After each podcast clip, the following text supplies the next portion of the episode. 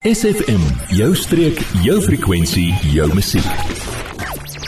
Het jy uiteindelik jou droom eiendom en jy die verkoper kom ooreen oor die terme en voorwaardes en jy sluit 'n koopkontrak? Is jy ten volle bewus van die koste implikasies wat buite in die koopprys ter sake is?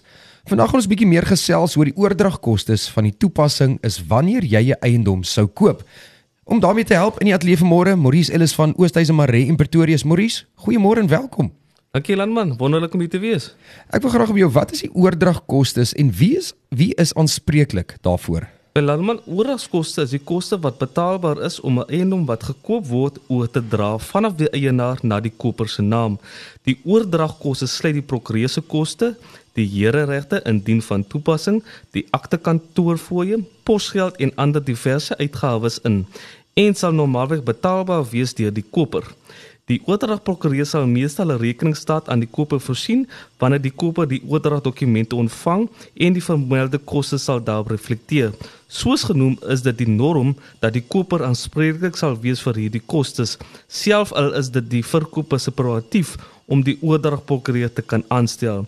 Die koper moet in ag neem dat indien hy of sy moet aansoek doen vir 'n verbandlening ten einde die koopprys te betaal, het sy volledig of gedeeltelik dat die koper ook aanspreeklik sal wees vir die kostes van die verbandregistrasie prokureurs.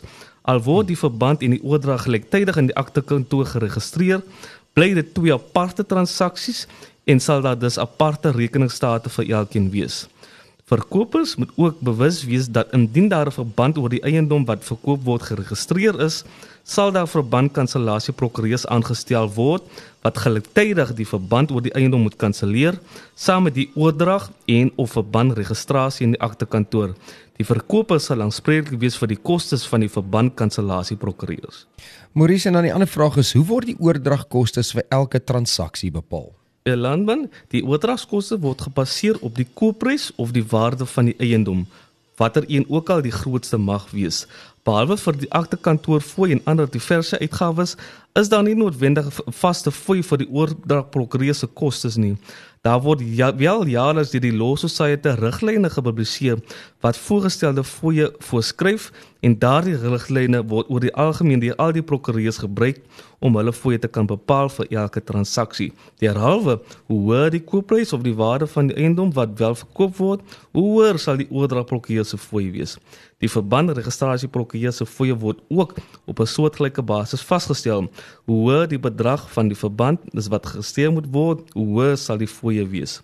Die verbandkansellasie prokureurs werk gewoonlik op 'n vaste bedrag ongeag wat die waarde is van die verband wat gekanselleer moet word. Ons gaan so vinnige musiekbreek vinnig gesels ons verder met Maurice Ellis van Oosthuizen Maree en Pretoria se prokureurs oor oordragkoste. Word deel van ons Facebookblad vandag nog facebook.com vorentoe skuinstreepie SFM streek. En dan is ons terug na die musiekbreek en ons gesels met Maurice Ellis van Oosthuizen Maree en Pretoria se prokureurs. Ons het voor die musiekbreek gepraat oor oordragkoste. So Maurice sê gou vir my, wat is here regte en hoe verskil dit van BTW? Ja, laat man die meeste van die luisteraars sal bewus wees van wat BTW of belasting op toegevoegde waarde is. Maar met die oordrag van eiendomme is daar 'n ander tipe belasting wat gesprake mag wees, genaamd hereregte. Hereregte kan beskou word as 'n tipe belasting wat aan SARS betaalbaar is vir die verkryging van vaste eiendom. In elke oordrag van eiendom sal daar of BTW of hereregte betaalbaar wees aan SARS. Om te kan bepaal watter een van toepassing is, word daar gekyk na die BTW status van die verkoper. Indien die verkoper vir BTW geregistreer is en die eiendom verkoop in die normale loop van sy besigheid of die eiendom word verkoop wanneer die verkoper sy besigheid bedryf het, is dit waarskynlik 'n BTW transaksie. Indien die verkoper nie vir BTW geregistreer is nie of die eiendom word nie in die normale loop van besigheid verkoop nie, sal here regte betaalbaar wees. Die luisteraar sal bewus wees dat die BTW koers tans staan op 15% waar hereregte op 'n glyskaal bereken word. Alle transaksies tot die op die waarde van 1.1 miljoen rand is vrygestel van hereregte, maar soos die koopprys of waarde van die eiendom wat verkoop word hoër is, word verskil, verskillende persentasies wat as hereregte betaalbaar is van toepassing.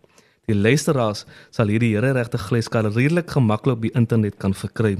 BTW en hereregte is betaalbaar binne 6 maande vanaf dien datum waarop die koopkontrak onderteken is.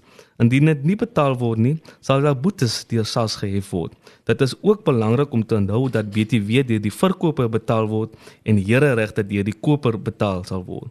Om enige onsekerhede te kan voorkom, adviseer ons dat 'n koopkontrak uitdruklik sal aandui of BTW op 'n transaksie van toepassing sal wees en indien wel of die koopprys BTW insluit of uitsluit.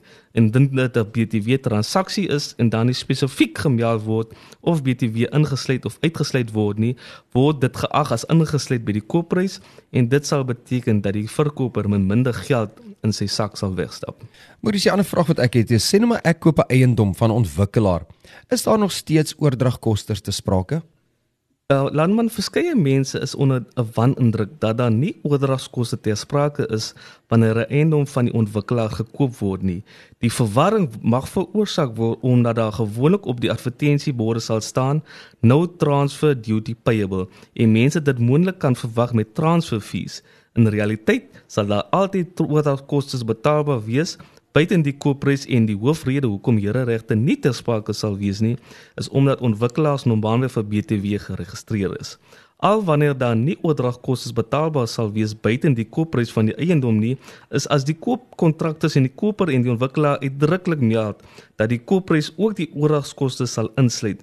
So luisteraars moet mooi seker maak of dit wel die geval is wanneer hulle eiendom wil koop vanaf die ontwikkelaar.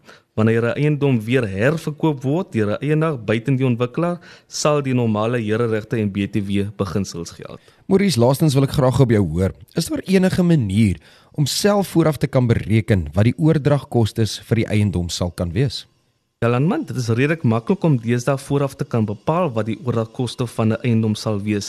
Daar is verskeie sogenaamde transfer cost calculators op die internet beskikbaar. Ons het ook so cost calculator op ons webtuiste beskikbaar wat 'n volledige uiteensetting van alle oordragkoste en verband registrasiekoste sal bevat sodat luisteraars 'n ingeleide besluit kan neem alvorens daar enige koopkontrakte met verkopers gesluit word. Maurice, dit lyk vir my dit is duidelik van kritiese belang om seker te maak dat jy vooraf ten volle bewus is van die koste implikasies wat ter sprake is voordat jy besluit om 'n eiendom te koop. So as hulle meer wil weet, waar kan hulle kontak? Um luisteraars is meer as welkom om ons kantore te skakel by 044 601 6900. Hulle kan ook ons webtuiste besoek by www.ompllaw.co.za. En julle sal natuurlik help deur elke stap van die proses om uiteindelik by die regte besluite uit te kom.